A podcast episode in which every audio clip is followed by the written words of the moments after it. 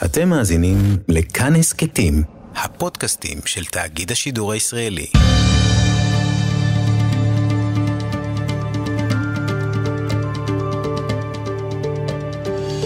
כיוון הרוח עם בני טייטלבוים שלום לכם, הפרופסור אלי שווייד שנפטר היה מאותם אנשי רוח וספר שאינם מוכרים כל כך לישראלי הממוצע. הוא לא הופיע בתוכנית מציאות ולא בתוכנית בישול, הוא לא היה דוגמן צמרת. הוא רק כתב 40 ספרים, מאות מאמרים, חינך, בנה מוסדות חינוך לתפארת, לוחם על דעותיו שגם שילם מחיר אישי. חילוני, אבל יהודי מאוד מאוד שורשי.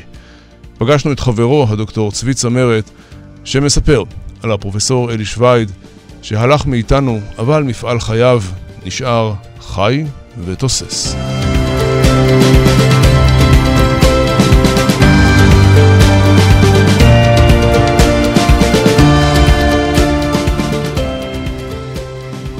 דוקטור צבי צמרת, מי היה בשבילך פרופסור אלי שווייד? אלי היה מורי ורבי, והיה אה, ידיד אישי מאוד מאוד אה, קרוב, כמעט 60 שנה.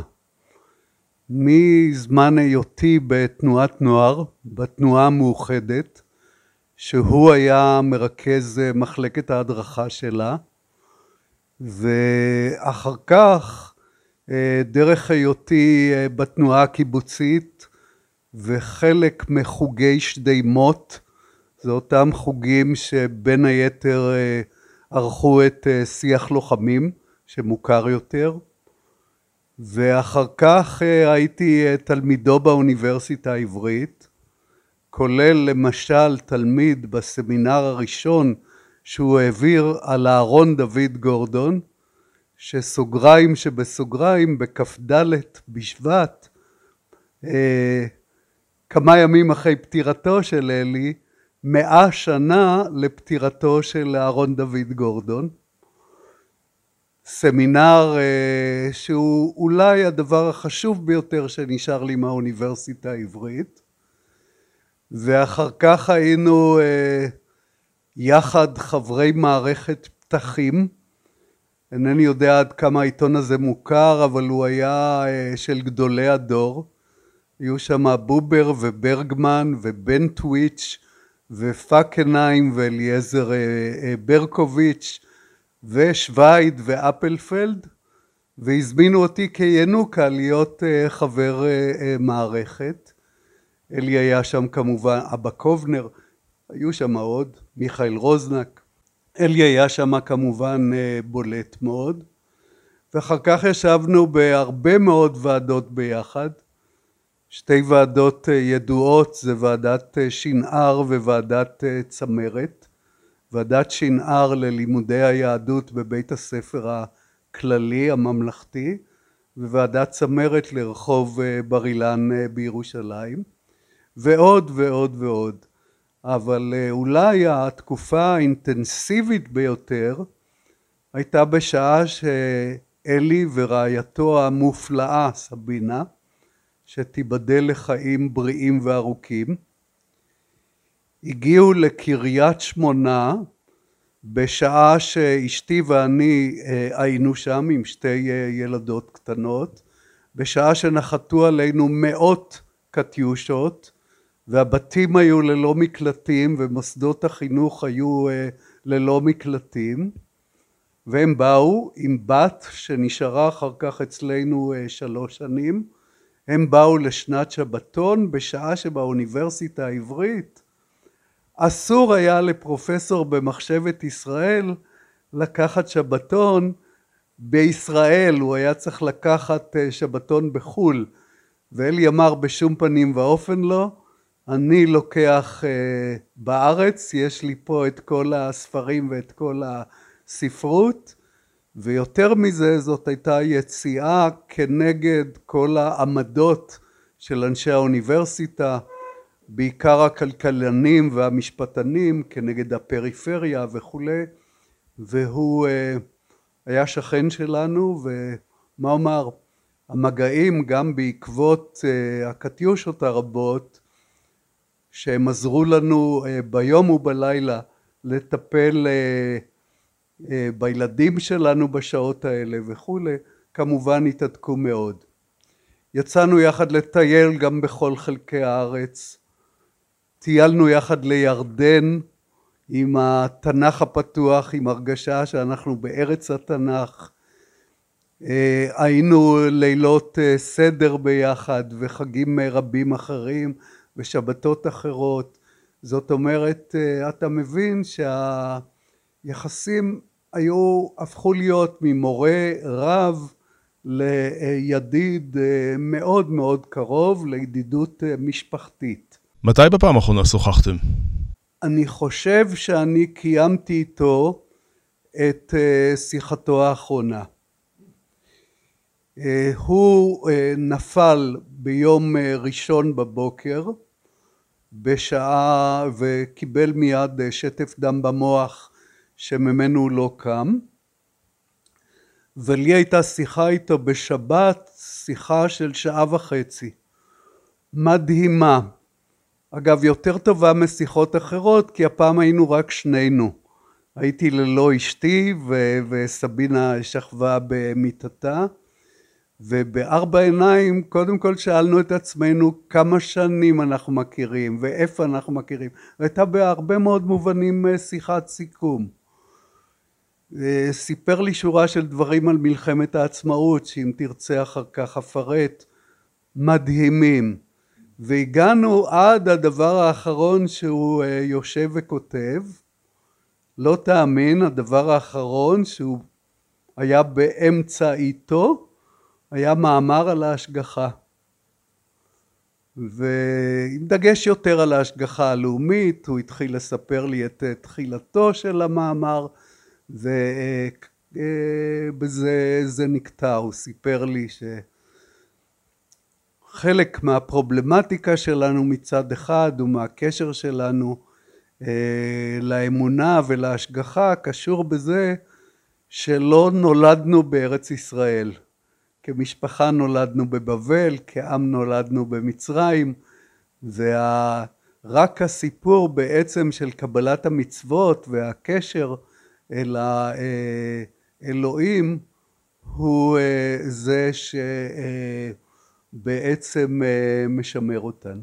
איך אתה מגדיר אותו בשיטה הישראלית, דתי, חילוני, מסורתי? מה, מי הוא היה בעצם, הפרופסור אלי שווייד? תראה, קודם כל הוא הגדיר את עצמו כפי שהגדירו הוריו.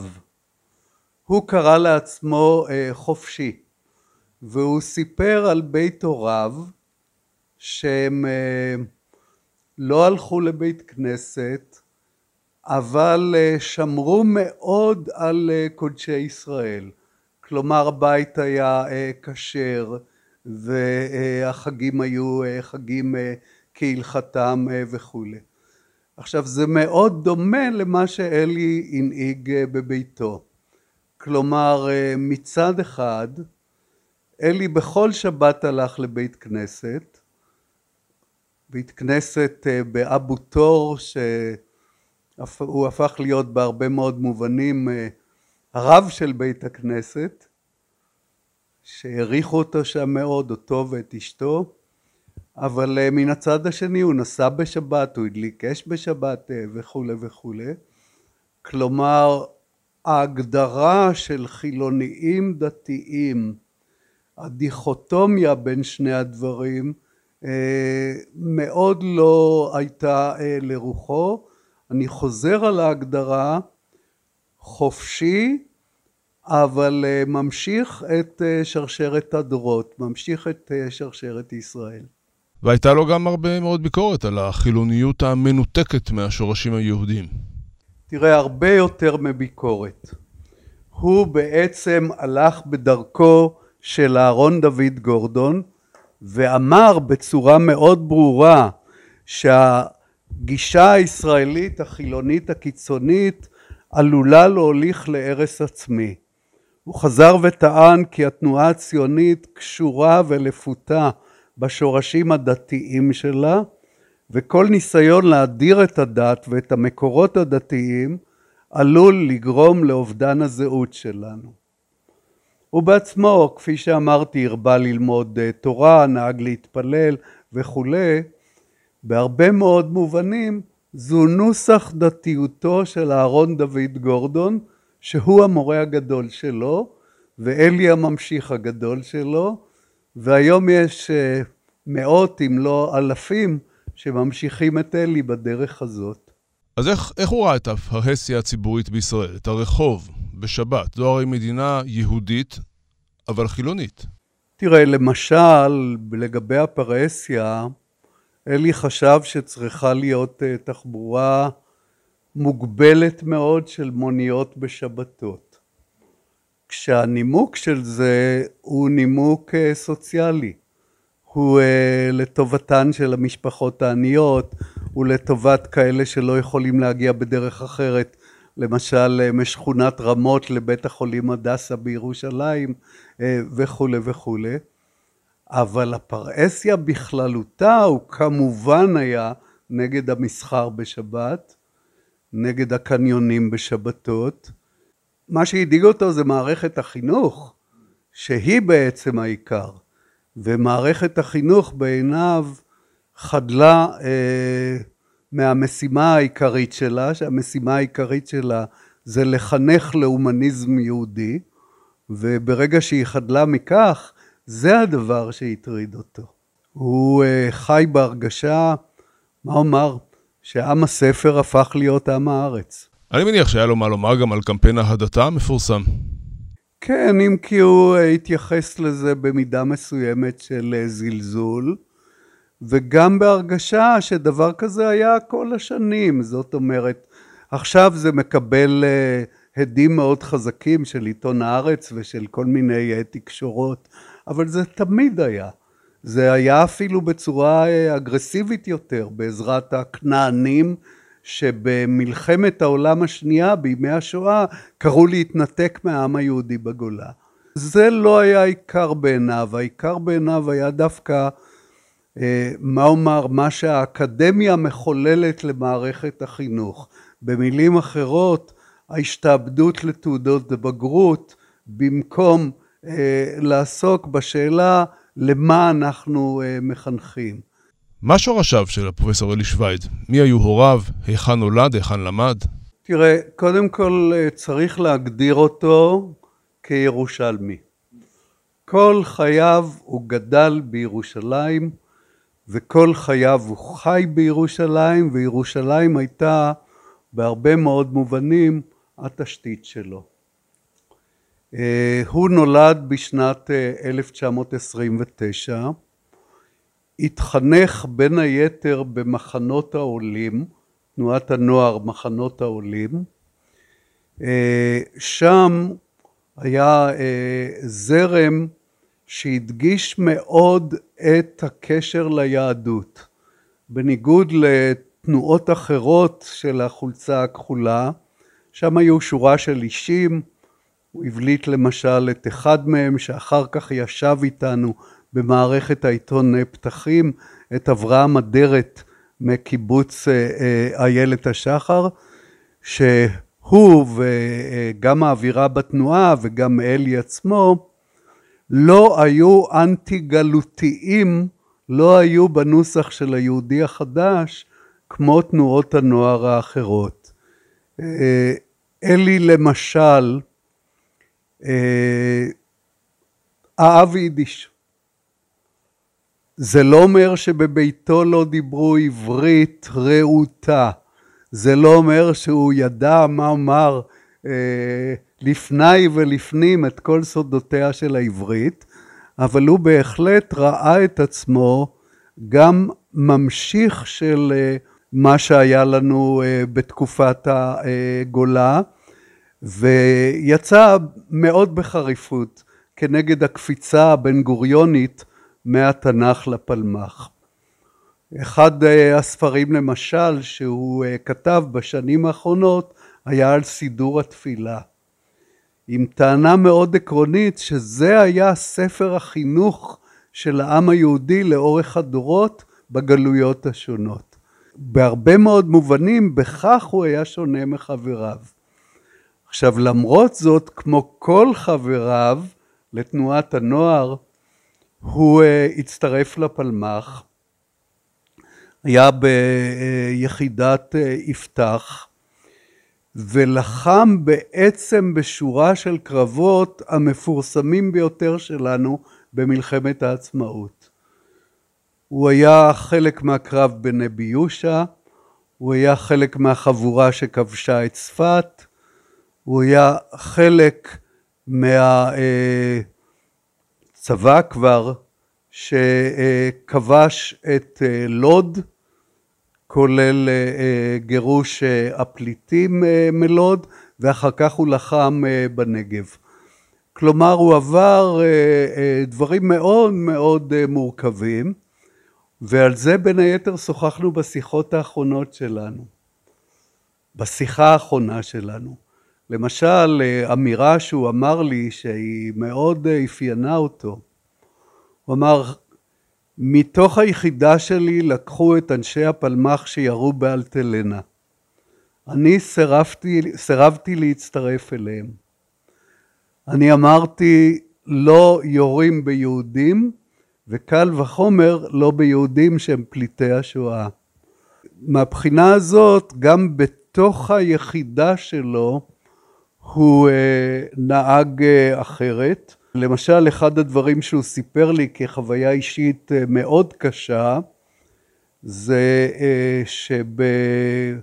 שבשלב מסוים היחידה שלו הפכה להיות יחידה ניידת של הפלמ"ח ונשלחה לראש פינה.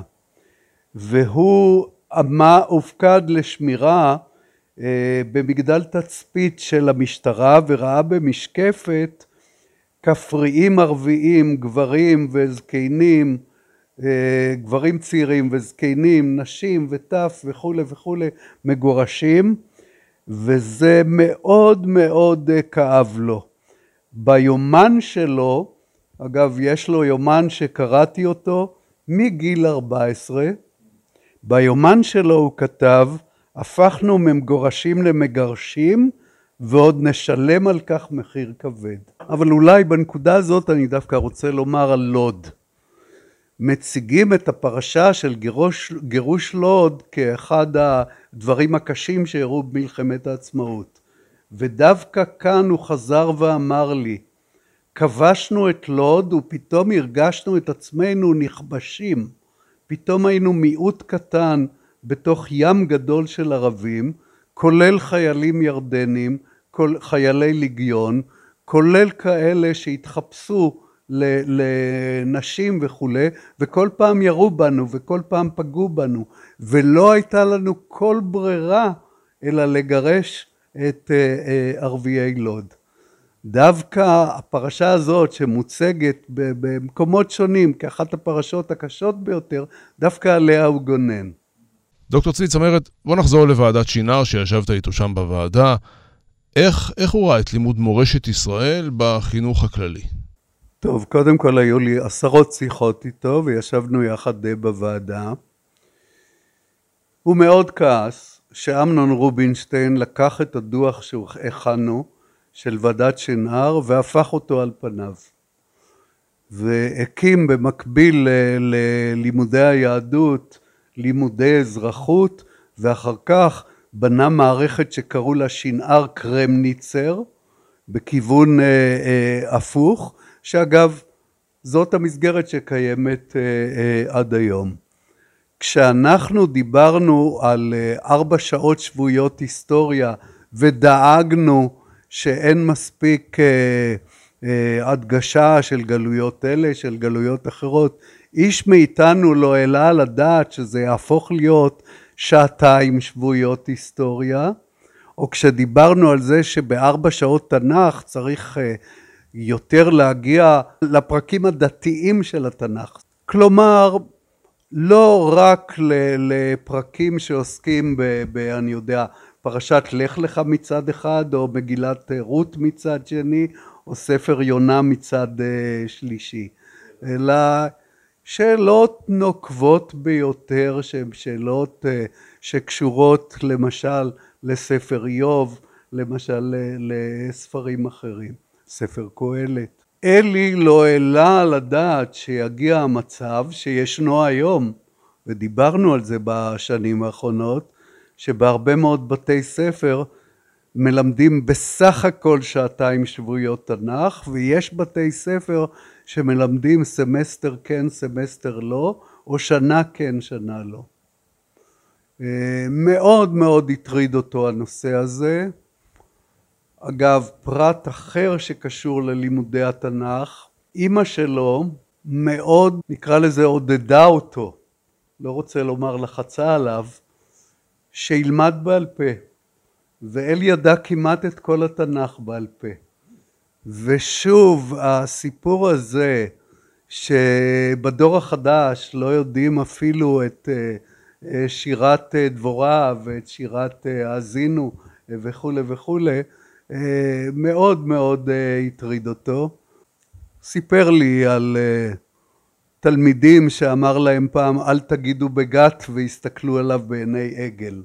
אבל איך הוא פתר את התסבוכת של תלמידים חילונים, אתאיסטים, לפעמים, שלומדים סיפורים שבהם המרכז הוא הקדוש ברוך הוא? תראה, זה, הוא דיבר על זה, הוא כתב על זה ספרים שלמים ו- ומאמרים. הוא הדגיש מאוד שהתנ"ך הוא קודם כל ספר מוסרי, ספר ערכי, שכל אחד יכול לפרש אותו בדרכו וצריך לפרש אותו בדרכו ואין שום סיבה לפרש אותו רק דרך האורתודוקסיה ואין שום סיבה לפרש אותו רק דרך מה שנאמר על ידי אה, אה, מה אומר גדולי התורה כל אחד צריך לחפש בתוך המציאות העכשווית את התנ"ך שלו ולחפש בתוך התנ"ך את המציאות העכשווית דוקטור צבי צמרת, אנחנו חיים בעולם שבו הכל הוא כפר גלובלי אחד קטנטן. כולנו אזרחי העולם. המשפחה, הקהילה, אה, פחות חשובים. מה חשב על כך אלי שווייד? תראה, אלי הלך בדרכו של אהרון דוד גורדון, שתחילה הדגיש מאוד מאוד את היחיד, ואחר כך לחם כנגד הצעירים אנשי העלייה השנייה ואמר להם הקימו משפחות, הקימו משפחות, אין דבר חשוב יותר מן המשפחה. ואחר כך הלך לכיוון הקהילה. קהילה פירושו של דבר אחריות חברתית של יחידים על כל אחד ואחד בסביבתו ומזה הלך אל העם ובסופו של דבר אצל גורדון ישנו מה שהוא קורא עם אדם, כלומר אנושות שבה כל אדם נוהג באופן מוסרי כמו שהיחיד נדרש לנהוג. עכשיו אלי פה כדאי מאוד אה, לציין הקים משפחה לתפארת ומהבחינה הזאת לא רק אה, יפה דרש אלא אה, באמת יפה קיים.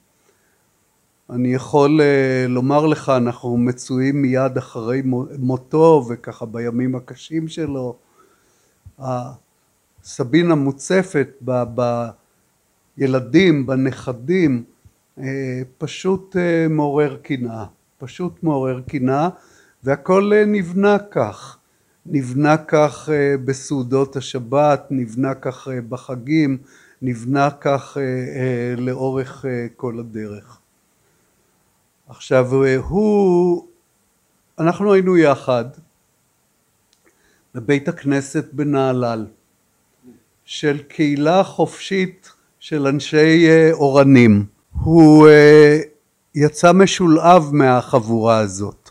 חבורה שכוללת את אה, זרחי, את אה, מוטי זעירה, שורה אחרת של אה, שי זרחי, שורה אחרת של אנשים, כי בהרבה מאוד מובנים זה הדבר שהוא חלם עליו, זה הדבר שהוא קיווה לו, של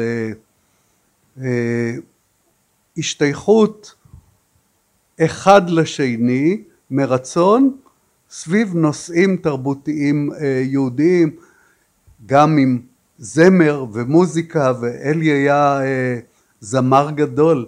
רוב האנשים לא יודעים, אבל הוא אה, אהב מאוד לשיר, ידע את המילים של כל שיר אה, ארץ ישראלי, אה, עד הזמן החדש כמובן, ועוד. ואלי גם היה טייל גדול, אהב מאוד לטייל בשבילי ארץ ישראל. את הדברים האלה רוב האנשים לא יודעים עליו. הוא לא אהב את הגלובליזציה הרי. תראה, הוא היה, המילה לא אהב את הגלובליזציה היא קטנה. הוא ראה בגלובליזציה בהרבה מאוד מובנים רעל, שהאקדמיה אה, בעצם אה, מוליכה אותו.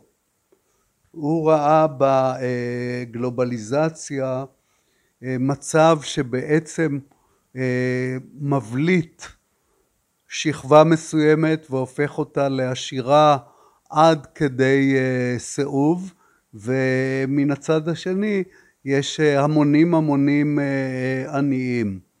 הוא ראה בגלובליזציה כלוחמת בלאומיות ואם הדגשתי קודם את היחס שלו לעם אז הדברים האלה כמובן קשורים אחד לשני. אני אה, חוזר, וזה אה, מאוד מעניין, הוא האשים את מה שהוא קרא המומחים האוניברסיטאיים, המומחים כמובן במרכאות, שמציגים את עצמם כרופאים יודעי כל, והמרשם שלהם הוא בעצם אידיאולוגיה סובייקטיבית שמוליכה לכיוון הזה של גלובליזציה שמוליכה את כולנו למה שהוא קרא אגואיזם יהיר ואכזרי. הוא טען שכשאנחנו שותקים ונותנים לשיטה הזאת שמוליכה להתעשרות תאוותנית מואצת של העשירונים העליונים ולעניות קשה של העשירונים התחתונים, אה, אנחנו אה, אשמים. הוא הדגיש שמוטלת על כולנו החובה להילחם בעוני שמגיע לשיאים שלא מתקבלים על הדעת ואנחנו כולנו חייבים למחות. פרופסור אלי שווייץ שילם מחיר חברתי על דעותיו? שילם מחיר מאוד מאוד כבד. למשל, למרות שהוא כתב למעלה מ-40 ספרים ואלף אה, מאמרים, הוא האחרון בחוג שלו שקיבל פרופסורה.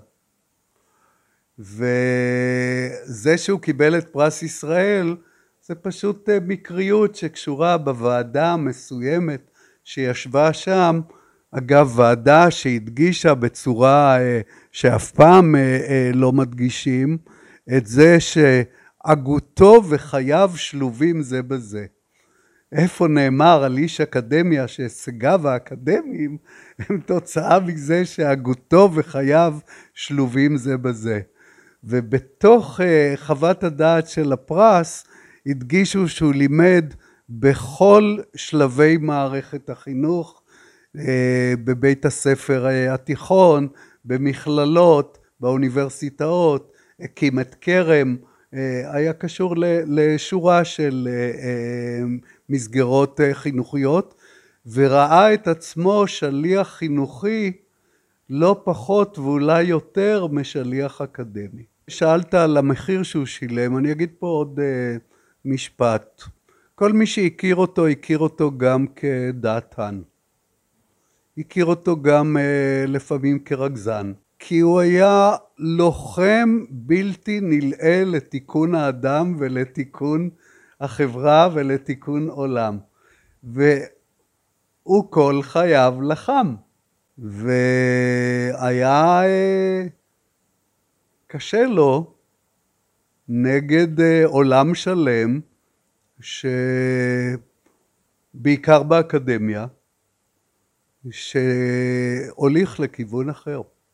הייתה לו גאווה גדולה מאוד על כל מה שהוקם פה. תראה, הצגתי אותו עד עכשיו אה, כמה אומר, כלוחם אה, פסיבי, פסימי מאוד, שמבקש לתקן את העולם המקולקל וכולי וכולי, תראה בתוך זה דווקא את הכיוון ההפוך. עד כמה הוא האמין שניתן לתקן, עד כמה בסופו של דבר הוא היה אופטימי, עד כמה הוא נלחם וכתב ודיבר והרצה ונפגש עד, אה, עד שעותיו האחרונות. חשבתי אבל אה, בהקשר למותו שהוא לא מת.